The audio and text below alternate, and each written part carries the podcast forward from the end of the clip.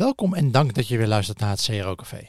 Vandaag praat ik met Stefan van Ballengooien. Hij is ooit als student aan de slag gegaan bij Allianz, een van de grootste financiële dienstverleners ter wereld. Inmiddels werkt hij daar als conversiespecialist en samen met een Scrum-team werkt hij aan Allianz.nl. Stefan zat ook al even in de podcast tijdens de Emers Conversion livestream en het was een heel interessant onderwerp, dus daar gaan we vandaag nog even dieper op in. In 2017 startte hij bij Allianz een eigen usability lab voor 0 euro. Dat bleek een gouden zet te zijn, want het lab heeft inmiddels al duizenden euro's opgeleverd. En vandaag deelt Stefan met ons hoe iedereen dat intern zelf ook zou kunnen opzetten. Ik ben Guido Jansen en welkom in het CRO Café, de podcast waarin ik een kijkje achter de schermen geef bij de optimalisatieteams in Nederland en met hun specialisten praat over data en mensgedreven optimalisatie en het neerzetten van een cultuur van experimenteren en valideren. Mocht u hem gemist hebben, vorige aflevering sprak ik met Denise Visser van Bol.com en spraken we onder andere over hoe zij bij Bol.com bezig zijn om een eigen AB-testing tool te bouwen. De aflevering met Denise kun je terugvinden op cro.café 25. Deze aflevering van het CRO Café wordt mede mogelijk gemaakt door onze partners Convert.com, Effective Experiments en Online Dialog. Welkom bij aflevering 26. Ja, Stefan, leuk dat we jou wederom in het café mogen ontvangen. En uh, voordat we het over Use Labs gaan hebben, ik zag dat jij een persoonlijk motto hebt. En dat is dat succes niet gaat om die grote stap in de toekomst, maar om de kleine stapjes die je nu maakt. Vertel. Natuurlijk, ontzettend leuk om, uh, om ook even over mijn motto te kunnen praten. Niet alleen over uh, usability testing. Ja, ik denk dat dit motto is een beetje ontstaan. Ik denk ongeveer tien jaar geleden, toen, uh, toen had ik een, eh, een, groot voorbeeld. Of eigenlijk heb ik nog steeds het grote voorbeeld. En dat is uh, David de Vos. En hij geloofde dat hij geroepen was om, om voor grote massa's te spreken. En toen ik hem eigenlijk ontmoette, dat was in een klein kerkje en er waren op dat moment twintig mensen aanwezig.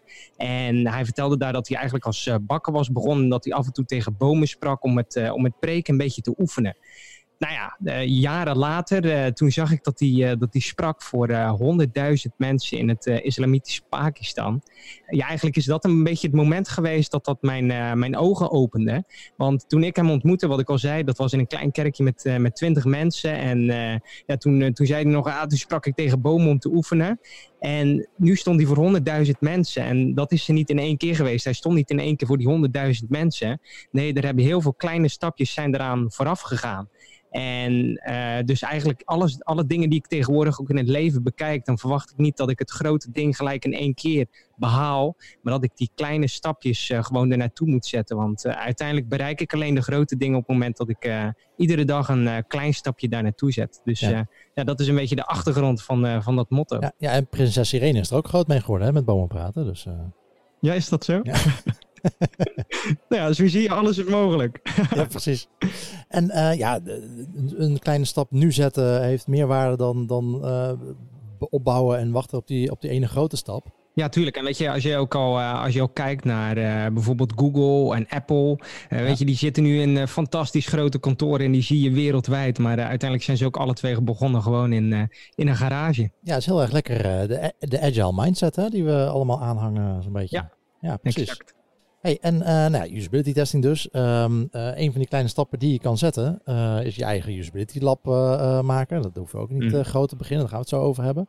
Mm -hmm. En jij kwam ook met een, met een onderzoekje waaruit blijkt dat 51% van de digital marketeers geen usability test doet. Potverdorie ja. Stefan, wat gaan we daaraan doen?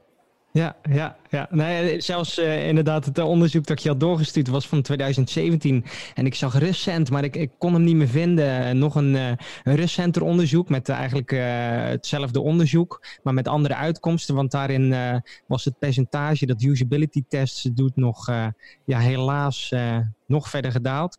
Er zijn nog minder mensen die op dit moment digital marketeers die ja. usability tests doen. En dat is echt wel een klein beetje zorgwekkend. Ja, wat kunnen we daaraan doen? Ja, goh, wat, uh, wat kunnen we daaraan doen? Uh, weet je, ik heb er heel lang over nagedacht. Uh, wat is nou de reden dat, uh, dat er zo weinig digital marketeers op dit moment usability tests doen?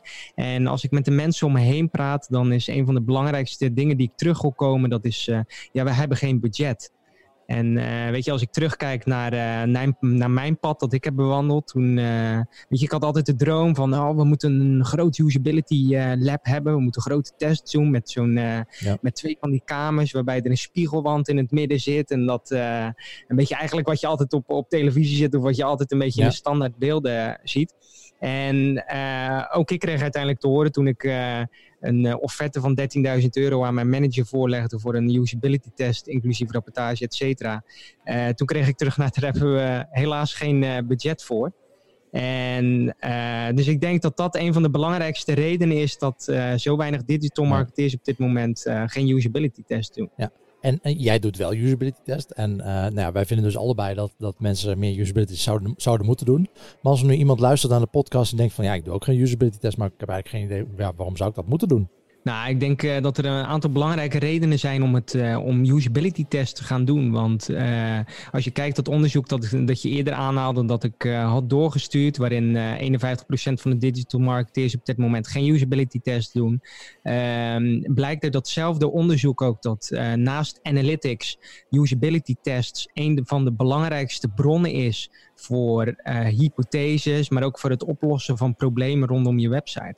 En ik denk dat is allereerst een hele belangrijke reden. En een andere belangrijke reden is op het moment dat je geen usability tests doet. En als ik al kijk bij Allianz, dan wordt er zoveel ontwikkeld. Op het moment dat je daar geen usability tests bij doet, ga je dus iets op de markt brengen dat je niet hebt getoetst bij klanten. En dan vraag ik me af op het moment dat je dat niet doet, hoe centraal je de klant echt hebt staan binnen jouw bedrijf. En daarom denk ik dat dat juist ook een, uh, een hele grote reden is om usability tests te doen. En uh, laatst sprak ik een, uh, iemand van een, een conversiespecialist ook bij een grote partij, weet je, en die zei, ja, eigenlijk doen wij op dit moment ook geen usability tests. En dan denk ik, weet je, je hebt weer in Nederland en het bedrijf zit wereldwijd, heb je honderden duizenden klanten en dan test je niet wat jij op de markt brengt. Ja, dat vind ik zorgwekkend. Ja, zorgwekkend inderdaad. Ja, en voor de mensen die, uh, die meeschrijven, die 51% komt uit een uh, onderzoek van uh, e-consultancy uit 2017. En een link daarna zullen we ook even vermelden in de show notes. Validation in every organization is de missie van Online Dialogue. Online Dialogue helpt haar klanten om betere en snellere beslissingen te nemen. Om dit te bereiken maakt Online Dialogue gebruik van data en psychologie in combinatie met bedrijfsadvies en verandermanagement. Samen met hun opdrachtgevers kijkt Online Dialog naar sales funnels, customer journeys, klantgedrag en bedrijfscultuur om zo de conversieratio te verbeteren. Voor meer informatie ga je naar onlinedialog.nl. Doe me denken aan een, eh, aan een verhaal dat ik eh, bij een bedrijf zat Um, en uh, toen sprak ik met het, uh, met het design team. En die hadden ook een hele switch gemaakt uh, naar user-centered design. Ik zei, nou, kan je, mm -hmm. ben benieuwd. vertel, wat hebben jullie dan gedaan? Nou, wat bleek voorheen, wat, ze, wat de oude methode was, dat ze, mm -hmm. nou ja, een beetje de mindset hadden van, nou, oké, okay, ik ben de designer, dit vind ik mooi, dus dit gaan we live zetten. En dat was nu geswitcht naar, oké, okay, ik denk als designer dat dit het beste werkt voor de gebruiker. Uh, maar die ja. daadwerkelijke gebruiker, die werd nog steeds nergens naar gevraagd. Het was nog geen, steeds een heel proces dat alleen maar in het hoofd van de designer plaatsvond. Uh -huh. Dus ik zeg, ja, volgens mij is dat niet helemaal wat er met user-centered design uh, bedoeld wordt. Maar ja, to to toevallig heb ik laatst ook een, uh, wij hebben ook een, een designer zitten. En we zijn op dit moment ook bezig met het uittekenen van een nieuwe flow. En er worden prototypes van ontwikkeld.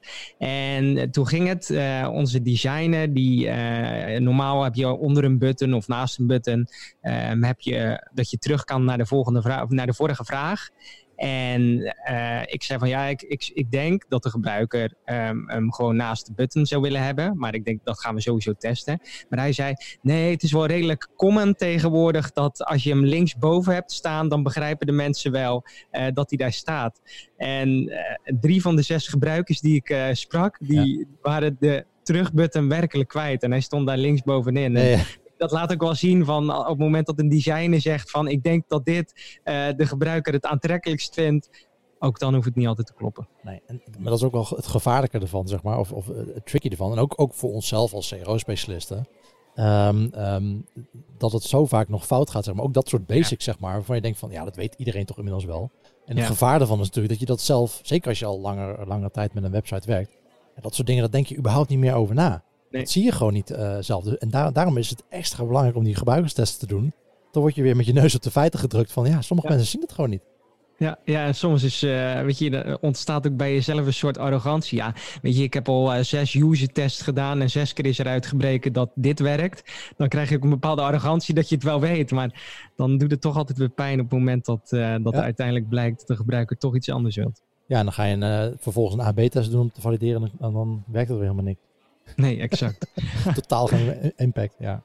Daarom, zijn, daarom is het ook zo belangrijk om al die dingen uh, tegelijk te doen en, en, en, en uh, al die informatie binnen te halen over de gebruikers en dat continu te valideren. Ja. Hey, maar goed om te horen. En uh, nou ja, ik heb jou even gesproken tijdens de livestream bij, bij Immers Conversion afgelopen april. Mm. Heb je er al even kort over verteld. Uh, maar jij bent dus bij Allianz bezig en, en heel klein gestart. Uh, dat budget van uh, 13.000 euro voor die usability test, die kreeg je niet. Nee. maar hoe heb je dat dan wel gedaan, dat klein starten? Ja, uiteindelijk, uh, weet je, ik heb het al eerder aangehaald. Weet je, het begint allemaal klein. En uh, ook als je kijkt naar een boom, dan begint dat bij een uh, klein zaadje. Dus ik, ik moest uiteindelijk ook aan de slag met, met 0 euro om een eigen usability lab te beginnen. Want ik geloofde er echt in, juist ook door de redenen die ik eerder al heb genoemd. En ik, maar ik denk juist, weet je het budget was voor mij een, een, restrictie. Ik had geen budget, dus ik moest creatief zijn. En ik denk juist op het moment, en uh, dat, dat geldt ook voor bedrijven die op dit moment luisteren, op het moment dat je restricties hebt, moet je eigenlijk blij zijn. Want ik denk dat dat de bron is van heel veel creativiteit. Als je alsmaar alleen maar heel veel geld naar je toe geworpen krijgt, word je steeds minder creatief. En ik heb ook al gemerkt dat de restrictie die ik had, voor mij heeft gezorgd dat ik heel creatief werd. Want wat, wat ben ik gaan doen? Ik, uh, ik, ik, ben uh, naar ons designer toegelopen en uh, ik heb uitgelegd, ja, ik wil een usability lab starten. Kun je daar misschien een logo voor ontwikkelen? Ze had me een aantal logo's doorgestuurd en het, uiteindelijk werd het een logo waarin een, een zichtbaar was. Weet je, dat doet visueel ook altijd iets met, ja. met mensen, dat ze denken, oh hersenen, dan, dan klinkt het al bij voorbaat interessant. Ja, even, even een klein, kleine side note, er is een keer een onderzoek geweest, hè, dat, dat er, een, er werd een psychologisch rapport gepubliceerd. Okay. En er werd dan voorgelegd aan psychologen. En uh, de helft van die, die rapporten had, had uh, images van, van gewoon, gewoon breinimages. Uh, -huh. Volgens mij was het een MRI-images in fMRI-images in dat rapport opgenomen. En de andere helft kreeg het exact hetzelfde rapport te zien zonder die fMRI-images. En het rapport werd veel minder gewaardeerd als die images er niet in stonden. dus ook de psychologen zelf hebben die bias enorm, ja. Sorry, ga verder. Ja, exact. Nou, dat, dat, dat, bleek hier dus ook het geval. Dus uh, die is er doorgekomen, dat logo. En toen ben ik uh, tegelijkertijd ben ik uh, bij onze HR-afdeling heb ik gevraagd van goh, ik wil een usability lab starten. Dan zou ik misschien alle e-mailadressen van alle medewerkers kunnen krijgen, omdat ik ze eigenlijk een mailtje wil sturen of ze zich willen aanmelden. En eigenlijk, ik kreeg supersnel kreeg ik gewoon het bestand toegestuurd. Dat was nog voor het GDPR-tijdperk, of niet? Nee, dat was inderdaad voor het GDPR-tijdperk. Ik denk dat ik het inmiddels. Uh, nou, ik weet zelfs zeker dat ik het inmiddels uh, niet meer voor elkaar krijg. Maar toen lukte het. Nou, toen ik uh, de e-mailadressen bij onze HR-afdeling had gekregen, toen ben ik al deze mensen gaan mailen. En echt binnen een aantal dagen toen, toen had ik al onwijs veel responses van ja, eigenlijk collega's die aangaven: ja, ik wil wel deelnemen aan zo'n zo'n Allianz Customer Experience Lab. Dus ik had in ieder geval de pool waar ik uit uh, kon putten op dat moment. Want uh, eigenlijk, uh, ja, stiekem wilde ik wel externe pool met, met klanten. Maar helaas, ja, als je 0 euro budget hebt, ga je dat bijna niet voor elkaar krijgen. Tenzij dat je mensen van de straat gaat, gaat plukken. Ja. Nou, dus die pool had ik. Nou, toen ben ik uh, gaan uitdenken, oké, okay, ik heb een pool, maar wat ga ik dan testen? Weet je, ik, ik wil iets testen. Dus wat ben ik gaan doen? Ik ben uh, rond gaan kijken bij Allianz. En uh, er zijn heel veel tools die wij op dit moment hebben. En, en, tools kan ook gewoon een aanvraagstraat zijn waar je een verzekering kunt afsluiten. Ja. En waarvan ik al heel lang denk, dat kan veel beter. Dus die tools en die aanvraagstraten ben ik gaan kijken. En ik ben op zoek gegaan naar eigenlijk iemand die interesse had in zo'n onderzoek. En dan ontstaan er eh, al snel enthousiastelingen die zeggen: Oh, product owners die zeggen ook: Doe maar voor mij zo'n onderzoek, want dan kan ik hele nuttige informatie vandaan halen. Dus met die uh, tools ben ik uh, dus begonnen. Eigenlijk van de enthousiastelingen, daar ben ik mee gestart. Um, vervolgens heb ik de medewerkers gevraagd. Die heb ik in een vergaderruimte gezet. wel omst de beurt, met een periode ertussen. Daar, daar ben ik naast gaan zitten. Gewoon eens het gesprek aan gaan. Samen die tool doorlopen. Camera erop gezet, omdat we dat binnen Allianz ook beschikbaar hadden. En ik had ook op de computer een, uh, een WebEx aangezet. En een WebEx is eigenlijk een, een soort Skype, maar dan wat wij binnen Allianz gebruiken. Waardoor ik ook andere mensen in een andere ruimte kon zetten, die dan mee konden kijken. Weet je, gewoon, je maakt gebruik van de middelen die je hebt. En uh, ik ben met die mensen gaan zitten. Gewoon eens gevraagd, door, loop, loop er eens doorheen. Waar loop je tegenaan? Uh, wat zie je? Wat, wat denk je? En waarom zet je een volgende stap? En op die manier zijn we er doorheen gaan lopen. En al supersnel kwamen er enorm waardevolle inzichten uit.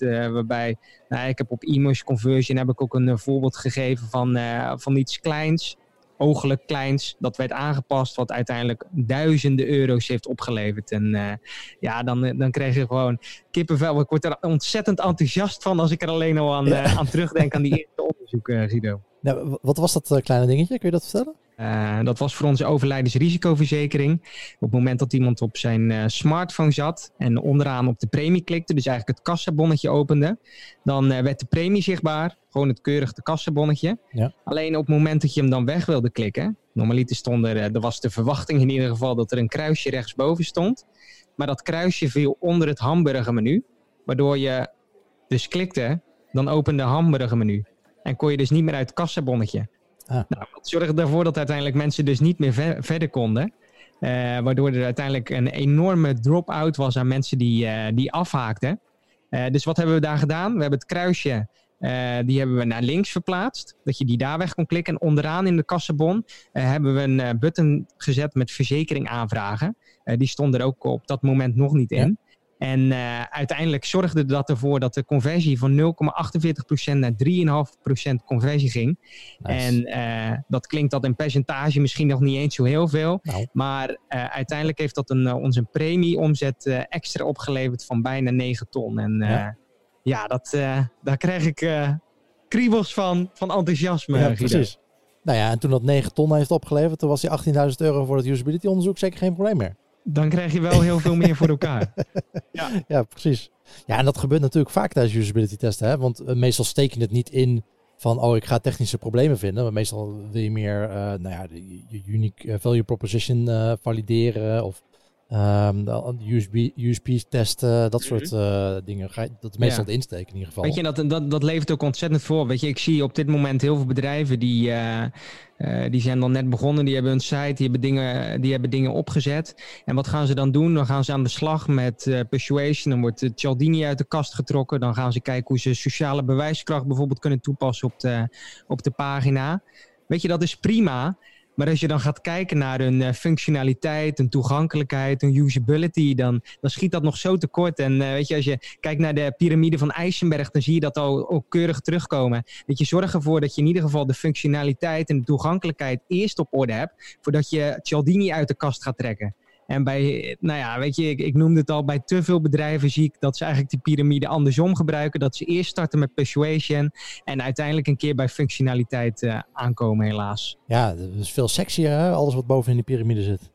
Ja, dat, uh, inderdaad. Dat uh, krijgen ze intern waarschijnlijk beter verkocht. Maar uh, uiteindelijk als je customer centricity, als je klantgedreven wil werken, dan moet je onderaan beginnen. Want daar lopen de mensen als eerst tegenaan en daar lopen ze je winkel vooruit. Ja, en ook machine learning en AI is super sexy allemaal natuurlijk. Maar ja, genoeg bedrijven die dat dan willen doen, die gaan daar maar bezig en hebben ze hun, hun data-architectuur niet, niet op orde. Ja, ja. exact. En uh, daarom ben ik de grote voorstander voor dat kleine stapje dat je vandaag zet. Weet je, je hoeft niet gelijk het artificial intelligence en weet ik veel wat te ontwikkelen.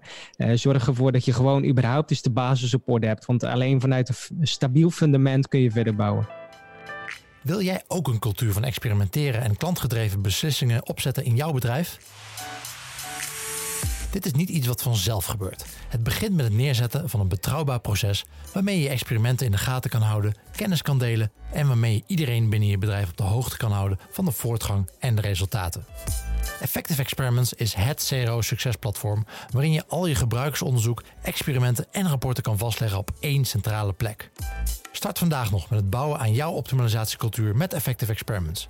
Een demo aanvragen doe je via www.effectiveexperiments.com dat kleine stapje. Stel, uh, nou ja, we luisteren naar deze podcast en we zijn, denken van, nou ja, misschien moet ik toch maar een keer zo'n usability test gaan doen.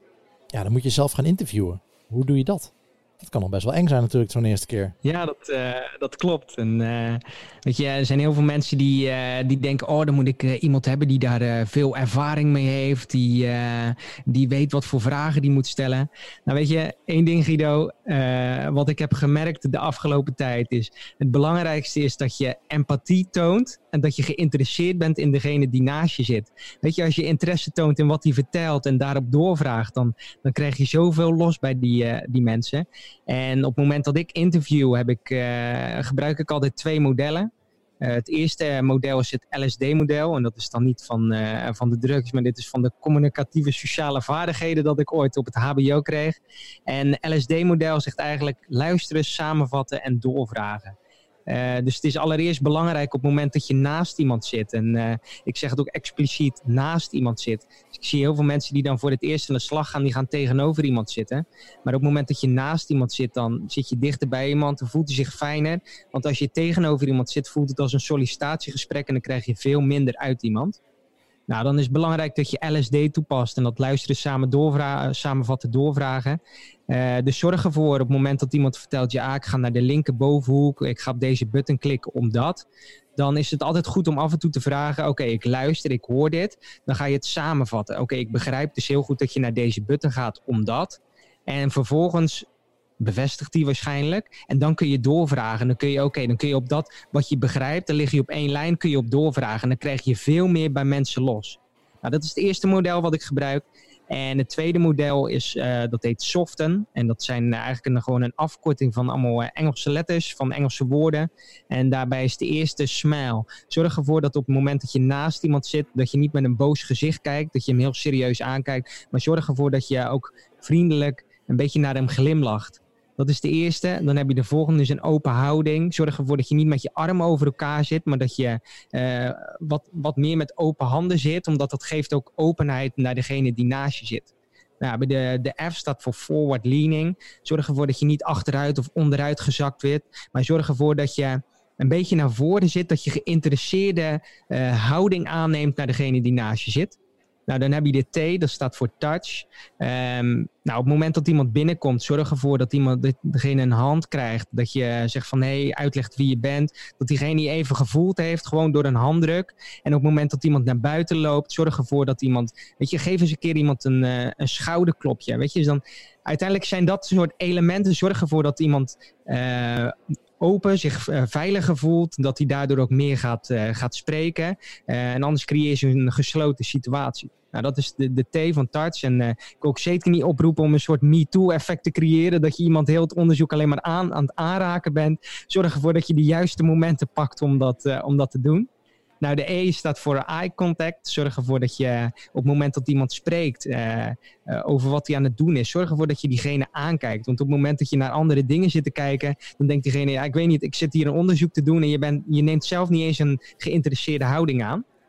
En dan is de N, die is daaraan verbonden, dat is nodding. Zorg ervoor dat je af en toe knikt. Op het moment dat iemand wat zegt, dat je, uh, weet je, natuurlijk gezien willen mensen ook heel snel een bevestiging als ze, iets, als ze iets vertellen, dat je luistert. Dus zorg ervoor dat als je naast iemand zit en hij zegt wat hij doet, dat je af en toe knikt, omdat je dan een bevestiging geeft, dat je weet, oké, ik luister, ik luister, ga door, ga door, omdat je dan meer uit diegene krijgt. Dus LSD en soften zijn essentiële ingrediënten voor een goed interview. Potverdorie, Stefan, moet nog best wel wat onthouden tijdens een onderzoek. Ja, dan. Weet je, als je dat uh, af en toe een keer, uh, een keer oefent, ook dat begint gewoon met een uh, klein stapje. Zorg ervoor dat je. Het begin bijvoorbeeld is alleen met het LSD-model. Die is naar mijn mening het makkelijkst. Als je die goed toepast, kun je naar het volgende model. Want uiteindelijk, weet je, een perfect interview zullen we in eerste instantie nooit allemaal geven. Maar dat zijn dingen die moet je gewoon ontwikkelen. Ja, en dan helpt het ook heel erg om, om daar video-opnames van te maken. Niet zozeer, niet alleen om, om te kijken wat, wat je participant doet. Maar ook om mm -hmm. te kijken hoe je dat zelf doet. En dan even met een collega over te hebben van oké, okay, hoe vond je dat het, hoe, hoe vond je dat dat ging? Um, en en uh, vaak heel veel mensen, kijk, zeker als je hoe dichter je erbij uh, betrokken bent, um, dan heb je daar zelf ook een bepaalde emotie van, van een bepaald product mm -hmm. natuurlijk. En dan ben je heel snel, hebben mensen de neiging om, om, om leading questions uh, te gaan vragen. En dat, ja. dat, ja, dat probeer, probeer je natuurlijk te voorkomen. En maar door, door dat op te nemen, um, kun je jezelf daar wat makkelijker op betrappen. En Ja, weet je, en zorgen we er ook voor dat je ja, een soort mentor hebt ook uh, op, uh, bij het ontwikkelen van, jou, uh, van jouw skills.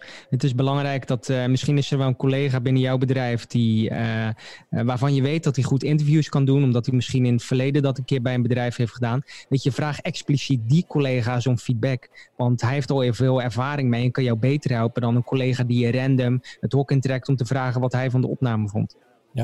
En wat wat is meestal bij jullie de, de output van zo'n van zo'n usability test? Hoe moet ik dat zien? Is dat, wordt het een presentatie? Heb je een heel notitievel volgeschreven? Uh, hoe gaat dat?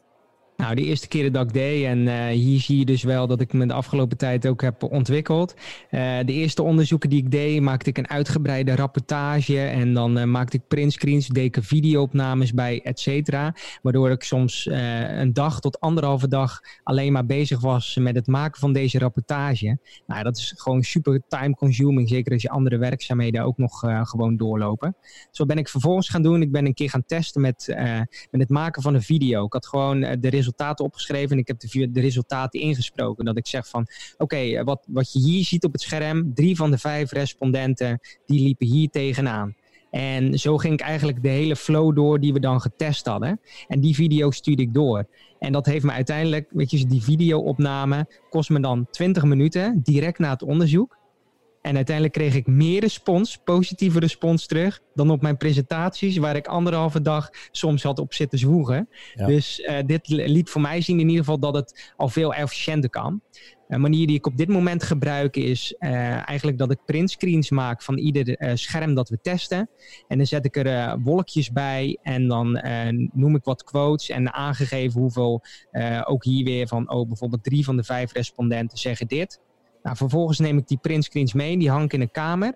En dan betrek ik alle stakeholders erbij. En dan gaan we gewoon eens er doorheen lopen. En dan creëren we uiteindelijk zo een backlog die we mee kunnen nemen in onze vervolgsprints. Waardoor we dus één, de stakeholders mee hebben, omdat ze zitten erbij. Ze mogen een stukje meedenken aan de oplossing. Je betrekt de klant erbij, omdat je zijn onderzoeksresultaten gebruikt. Nou, en dan serieus, dan krijg je de beste resultaten. Ja, Hoeveel uh, mensen zitten er gemiddeld in zo'n uh, usability test? Hoeveel respondenten uh, gebruiken jullie?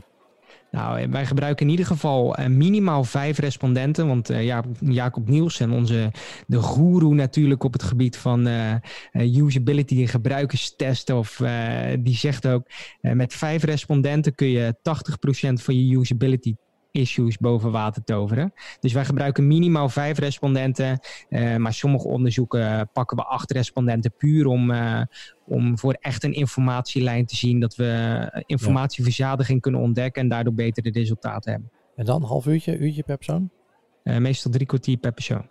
Oké. Okay. En het, natuurlijk, ik merk ook wel, weet je, drie kwartier heb je echt wel nodig. Want vaak uh, iemand komt binnen, je hebt toch wel een korte introductie op, uh, op wie die is, een stukje interesse. Juist ook uh, op het moment dat je even naar iemands persoonlijke leven vraagt van, goh, heb je kinderen, hoe gaat, dat, hoe gaat het in je werk? Dan geef je iemand ook een ontspannen gevoel en dan gaat hij meer zeggen dan dat je direct het onderzoek induikt. Um, ja, ik ben wel benieuwd. Nou ja, je noemde net al van, ja, je hebt al wat efficiëntieslagen weten te behalen met de rapportage van je, van je rapport. En uh, nou ja, je zei dus, een, een, je hebt een usability lab gezet voor 0, neergezet voor 0 euro. -hmm. uh, ja, je hebt wellicht geen facturen te hoeven uh, sturen voor dat, uh, te hoeven betalen voor dat usability lab. Um, maar je hebt allemaal apparatuur gebruikt, je hebt de ruimte nodig. En um, niet heel onbelangrijk, jij zit daar waarschijnlijk ook niet voor niks. uh, jij, krijgt waarschijnlijk ook gewoon een loon uitbetaald. Dus ik ben wel benieuwd van, um, nou ja, hoeveel, hoeveel tijd was je er ongeveer mee kwijt toen je begon en hoeveel tijd ben je nu ongeveer tijd met een gemiddelde usability test van inderdaad, nou ja, zeg acht personen? Ja, nou ja, wat ik uh, net al bij de rapportage ook noemde, was ik uh, vaak alleen voor de rapportage een dag tot anderhalve dag bezig. En dat heb ik terug weten te brengen tot vaak een video van, uh, van 20 minuten of uh, echt een brainstorm. Maar het hangt er dus even af wat ik, uh, wat ik test. dus dat heb ik al drastisch terug weten te dringen. Ja. Nou, dus zijn er heel veel meer dingen die ik, die terug heb gedrongen. Inmiddels krijg ik gewoon budget om respondenten ook te werven via een extern bureau. Wat mij al ontzettend veel tijd scheelt. Ik geef gewoon een, een profiel mee wat ze, waar ze voor moeten werven. Dus uh, uiteindelijk kost me dat uh, een paar minuten om in ieder geval even af te stemmen met, met de stakeholders. Dus ik denk dat ik al met al van A tot Z, en dan gaat het over het, het geven van de eerste briefing aan het externe bureau voor het werven van, van mensen tot, tot Z. zou je als je alles samenvoegt. Het is wel verdeeld vaak over een paar dagen, want er zit wervingstijd ook voor, voor het panel in. kost me dat, denk ik, twee dagen. Oké. En, en je zegt, je, ja, je hebt nu inmiddels wel geld gekregen voor, om respondenten te werven. Zijn er nog andere dingen waar je dan nu geld aan uitgeeft? Wat, wat, wat is het budget dat je nu kan verdelen? Uh, nou, eigenlijk uh, het belangrijkste deel van het budget gaat eigenlijk gewoon op aan, uh, aan de respondenten. Voor de rest maak ik nog wel van heel veel dezelfde dingen gebruik die ik eerst ook deed. Zo gebruik ik nog steeds WebEx gewoon om het scherm te delen met de, de kamer of de ruimte waar de collega's zitten. Wel hebben we Mr. Tappy ook uh, recent aangeschaft, of begin van dit jaar. Dat is je nieuwe collega. Dat is ja, dat is degene die me helpt, Mr. Tappy. In ieder geval wat ik, uh, wat ik voorheen altijd deed op het moment dat we op mobile testen, dan wilde ik wel uh, het scherm ook kunnen delen. Dus wat deed ik? Ik deed een, een videoopnames maken met mijn, met mijn tablet. Die hing ik erboven aan zo'n creatieve arm die ik had ontwikkeld, zodat iemand dan eronder uh, het scherm moest gebruiken. Maar wat je daar zag is dat, uh, dat die tablet ging iedere keer het scherm ging die scherp stellen. Waardoor je eigenlijk niet kon zien wat er echt op het scherm gebeurde, wat iemand invulde. Ja, en dat zorgde ervoor, je zag wel wat er ongeveer gebeurde, maar je kon niet lezen wat, uh, wat iemand intikte. En uh, daarom heb ik Mr. Tappy aangeschaft. Want Mr. Tappy die kun je gewoon, uh, gewoon vastklikken op je, op je smartphone. Het werkt magnetisch. En er zit een webcam aan vast die constant gefocust is. Dus of je, die, uh, of je je smartphone nu beweegt of niet, telkens is het scherm gewoon gefocust op wat er ingetikt wordt. En dat zorgt ervoor dat de mensen in de andere kamer ook gewoon scherpe beelden kunnen zien. En daardoor ook beter mee kunnen schrijven, betere conclusies kunnen verbinden. Dus dat is een, um, een, iets wat ik heb aangeschaft. Um, voor de rest uh, maak ik eigenlijk gewoon nog voornamelijk gebruik van, uh, van de dingen die ik uh, destijds ook deed. Oké, okay, en dat, dat, is een, dat is een laptop, de kamer? Ja, een laptop of uh, afhankelijk. Weet je, sommige dingen die testen wij op, uh, op desktop. Uh, als je kijkt naar dingen die gebeuren voor hypotheken. Als je kijkt in analytics, dan zie je dat alle, alle acties die worden verricht voor hypotheken gebeuren bijna altijd nog steeds op een, op een desktop. Ja. Um, dus dan testen we als er iets ontwikkeld wordt voor hypotheek op, uh, op desktop. Maar als er een, uh, een andere tool waar de verhouding toch wat anders ligt, uh, proberen we toch altijd mobile first te testen. En die respondenten die jullie dan bij zo'n onderzoek gebruiken, voldoen die aan een bepaald profiel? Zijn dat bestaande klanten? Nou, voor ieder onderzoek gebruiken we weer telkens een ander panel. Ik heb nu laatst, we zijn momenteel bezig ook voor, voor een van onze collectiviteiten, dat is, dat is PMA.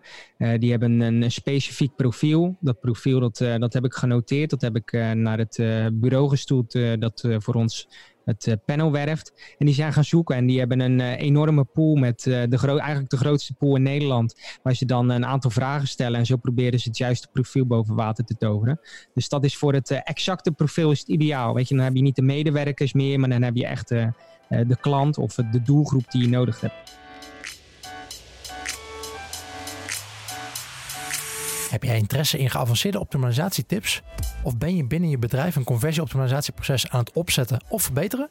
Convert.com is de organisatie achter Convert Experiences, de privacy-georiënteerde AB-testing tool die dit allemaal een stuk makkelijker maakt. Daarnaast hebben ze nu Convert Launch, een nieuwe service als aanvulling op je AB-testing software dat jou de ondersteuning geeft van een gecertificeerd conversiebureau. Denk aan extra training, opzetten van een interne hypothese en prioritering en hulp bij experimenteren. Voor meer informatie hierover ga je naar convert.com/launch. waar zou je over, nou ja, zeg uh, één of twee jaar willen staan met je usability lab? Wat, wat, zijn, wat zijn je dromen? Hoe moet het er dan uitzien? Heb je dan wel die glazen wand uh, erin staan met dat spiegelglas? Of, uh... Ja, exact. Dat is inderdaad, dat was wel de droom om, om zo'n ruimte te hebben. En is nog steeds de droom. Ja. Nou, weet je, waar ik van droom eigenlijk op dit moment ehm, is inderdaad gewoon een dedicated usability lab binnen Allianz. We hebben nu een lab dat we dan telkens optuigen op het moment dat, dat er een test is. Maar ik zou een dedicated lab willen hebben ja. En eh, daar zou ik niet alleen zelf willen, willen werken, maar ik zou uh, mijn collega's willen opleiden om ook uh, binnen dat lab uh, interviews te doen, tests te doen. Want ik geloof erin, weet je, je ziet het ook als een lichaam. ik kan groeien, ik kan er beter in worden, beter worden in het interviewen, beter worden in het opzetten van het lab. Maar dat betekent dat er één been groeit van het lichaam. Maar uiteindelijk kun je pas heel goed lopen op het moment dat je twee benen hebt. Dus ik wil ook echt collega's opleiden om ze verder te helpen, zodat er een, ja, eigenlijk een tweede been ontstaat, waardoor we vooruit kunnen. En uiteindelijk dat er alles wat er bij Allianz ontwikkelt, niet uh, nee, alles wat we bij Allianz ontwikkelt, dat dat getest naar buiten gaat. En dat is op dit moment helaas nog niet zo, maar dat is wel de droom. Ja, precies. Dus meer een faciliterende rol naar, naar het hele bedrijf toe, in plaats van dat je in je eentje die usability test ja, aan het, exact. Want nu kijkt iedereen naar mij op het moment dat er een usability lab gedaan moet worden. Uh, uiteindelijk heb ik twee handen, heb ik ook nog heel veel andere werkzaamheden. Vind ik het ook leuk om AB-testjes te doen. Vind ik het ook leuk om uh, op andere takken van uh, conversieoptimalisatie te doen. Ehm, dus vandaar dat ik gewoon handjes nodig heb om meer tests te kunnen doen bij Allianz. Ja, en, en doen jullie nu ook al aan AB-testen trouwens? Ja, dat doen we ook. Oké. En dat is, dat is gewoon de vervolgstap op, op de usability testen wat daar Ja, ik, ik, op dit moment uh, haal ik ook heel veel uh, hypotheses gewoon uit de usability tests. Sommige dingen die uh, benoemen respondenten. Dan is het vaak, stel je hebt zes respondenten over de vloer, dan noemt één iemand het. Nou, dan is dat geen informatieverzadiging, maar dan vind ik het wel een hele interessant om eens te testen wat er gebeurt op het moment dat we dat inderdaad gewoon AB testen. Ja. En ik haal dus op dit moment heel veel hypotheses voor mijn AB-tests gewoon uit de usability labs die ik organiseer. Ja. En uh, nou ja, voor de toekomst, ik ben wel benieuwd, want we hebben eh, in het verleden al een uh, podcastopnames gehad met onder andere met Joris Groen van Biominds en uh, Roderick Rijgenbach van Brain mhm. Engineers. over onder nou, eye tracking, fMRI, um, um, EEG-onderzoek en dat soort dingen. Mhm. hoe kijk je daar tegenaan? Is dat iets wat je zou ah, willen inzetten? Ik, ik, ik, denk dat het uh, tweeledig is. Uh, aan de ene kant denk ik dat het een uh, heel goed, een goede USP is op het moment dat je het hebt. er zijn in Nederland natuurlijk ontzettend veel bedrijven die usability labs, usability tests aanbieden. En ik denk op het moment dat je fMRI erbij aanbiedt. Of uh, weet je, je hoort het super vaak gewoon het uh, biometrische deel eraan toevoegt. Dat je dan gewoon een USP hebt voor jouw businessmodel. Uh, waardoor je onderscheidend wordt met jouw lab. waardoor je dus meer bedrijven gaat binnentrekken. Want jij noemde het net al met het, het brein dat dan in dat onderzoek werd vermeld. Waardoor uiteindelijk dat onderzoek beter werd beoordeeld. Zo denk ik ook dat mensen usability labs beter beoordelen op het moment dat fMRI of een biometrisch onderdeel aan toegevoegd wordt. Dus het is gewoon puur marketing van je onderzoek, zeg maar. Ik, ja, ik denk dat dat, uh, dat belangrijk is. En uh, ik denk ook bijvoorbeeld voor grote partijen is het soms, uh, wil je de echte stakeholders, zeg maar de, bijvoorbeeld de CEO overtuigen, dan doet het beter met een, als je er een FMRI-onderzoek aan verbindt, dan dat je alleen het onderzoekje met medewerkers doet. Nou, neemt niet weg dat ik er, uh, weet je, tuurlijk, ik geloof er wel en ik geloof dat het meerwaarde ook biedt voor, uh, voor je bedrijf. Uh, eerder haalde ik Jacob Nielsen al aan, die zegt met vijf respondenten haal je meestal 80% van usability issues boven water. Ik denk op het moment dat je FMRI gaat toepassen of een ander biometrisch deel, dat je misschien die 80% naar 85 of 90% van usability issues met vijf mensen gaat krijgen. Ja, heel goed klein beginnen en uh, rustig opbouwen. Hey, Stefan, dankjewel. Super, uh, super nuttige tips allemaal. Heb je, nog, heb je nog het laatste iets dat je de luisteraars wil meegeven? Ik denk al dat uh, dit hele gesprek erover is gegaan dat je gewoon klein moet beginnen en vervolgens moet uitbouwen. En dat zou ik ook alle luisteraars mee willen geven. Start klein, maar denk groot. Heel goed. Dankjewel Stefan. Yes, dankjewel Guido. Doei doei. Ik ga jou zo meteen weer vertellen waar de volgende aflevering over gaat. Maar uiteraard eerst nog de wekelijkse Neuronugget. Philip Jordanov van Neurofire Academy deelt wekelijks één psychologisch principe uit hun trainingen met ons. En deze week gaat het over de psychologie van de call to action. In de vorige drie Neuronuggets hebben we gekeken naar onbewuste gedragsverandering van bezoekers door middel van nudging. Met nudging tactieken zorg je ervoor dat bezoekers frictieloos door jouw website of app kunnen navigeren. Maar om ervoor te zorgen dat bezoekers gemotiveerd genoeg zijn om te converteren, moet er aan het eind van ieder stadium van de funnel een sterke call to action zijn. Vandaag kijken we naar de psychologie achter de sterkste call to actions en bespreken we een aantal tactieken uit onze crash course die jij direct kunt inzetten. We beginnen met het kiezen van de juiste kleur voor een call to action button. Of belangrijker, het juiste contrast. Contrast is een cruciaal aspect in call to action dat vaak over het hoofd wordt gezien. Maar waarom is het belangrijk?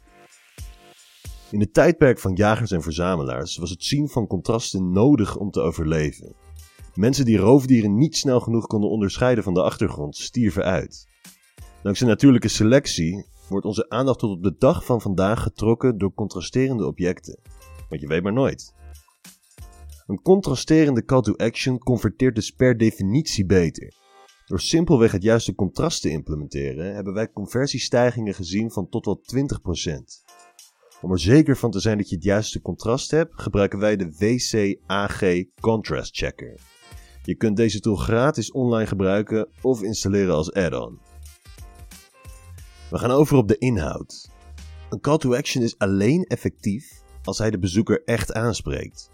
De beste manier om dit te doen is door het gebruik van first-person wording. Vervang start jouw gratis proefperiode eens met start mijn gratis proefperiode. Het klinkt als een klein verschil, maar in het hoofd van de bezoeker gebeurt het volgende. Door je call to action te framen vanuit de eerste persoon, laat je bezoekers zich de actie inbeelden vanuit hun perspectief. Doordat ze al mentaal op de call to action zijn ingegaan, neemt de kans op conversie aanzienlijk toe. Dit principe noemen we conceptual fluency. Framen vanuit de eerste persoon vormt samen met andere vormen van psychologische framing een belangrijke module in onze One Day Brain and Behavior Crash Course. Ook als je call to action inhoudelijk sterk is en hij trekt voldoende aandacht, is dit soms nog niet genoeg voor een directe conversie naar het volgende funnelstadium. In combinatie van context, timing en plaatsing zorgt er vaak voor dat een call to action toch gemist wordt. Om dit probleem op te lossen kun je het mere exposure effect inzetten. Volgens dit psychologische principe ontwikkelen bezoekers onbewust een positief gevoel bij een object dat ze vaker gezien hebben. Daarbij komt het feit dat naarmate de bezoeker door je pagina scrolt, ze meer overtuigd worden en onderaan de pagina meer openstaan voor een sterke call to action. Het is dus belangrijk om deze call to action op meerdere plekken terug te laten komen. In het kort, de aandacht van de bezoeker wordt steeds schaarser en zeldzamer. Dit zijn de drie dingen die je moet onthouden over psychologische tactieken die een sterke call to action vormen. Natuurlijke selectie en evolutie hebben ervoor gezorgd dat onze aandacht extreem gevoelig is voor contrast. Een call to action moet daarom duidelijk contrasteren op de rest van de pagina. Een handige tool hiervoor is de WCAG Contrast Checker. Ook is framing belangrijk in call to actions. Uit onderzoek blijkt dat formuleringen in de eerste persoon het sterkst zijn. Dit komt doordat deze een mentale simulatie in het hoofd van de bezoeker activeert, waarop de call to action is ingegaan. Om te verzekeren dat je call to action gezien wordt op het juiste moment, is het belangrijk deze te herhalen. Dankzij het mere exposure effect ontwikkelen bezoekers een positief gevoel bij objecten die ze vaker zien. Volgende week maken we je psychologische call to action toolkit compleet met nog drie brain and behavior tactieken. Tot dan! Ja, dankjewel Philip voor je wekelijkse Neuronugget. Dit was aflevering 26 van het CRO Café met Stefan van Ballengooien van Allianz. Mocht je de podcast nu zo leuk vinden dat je zakelijk of privé partner van de podcast wil worden, dat kan. Voor meer informatie daarover ga je naar cro.café partner.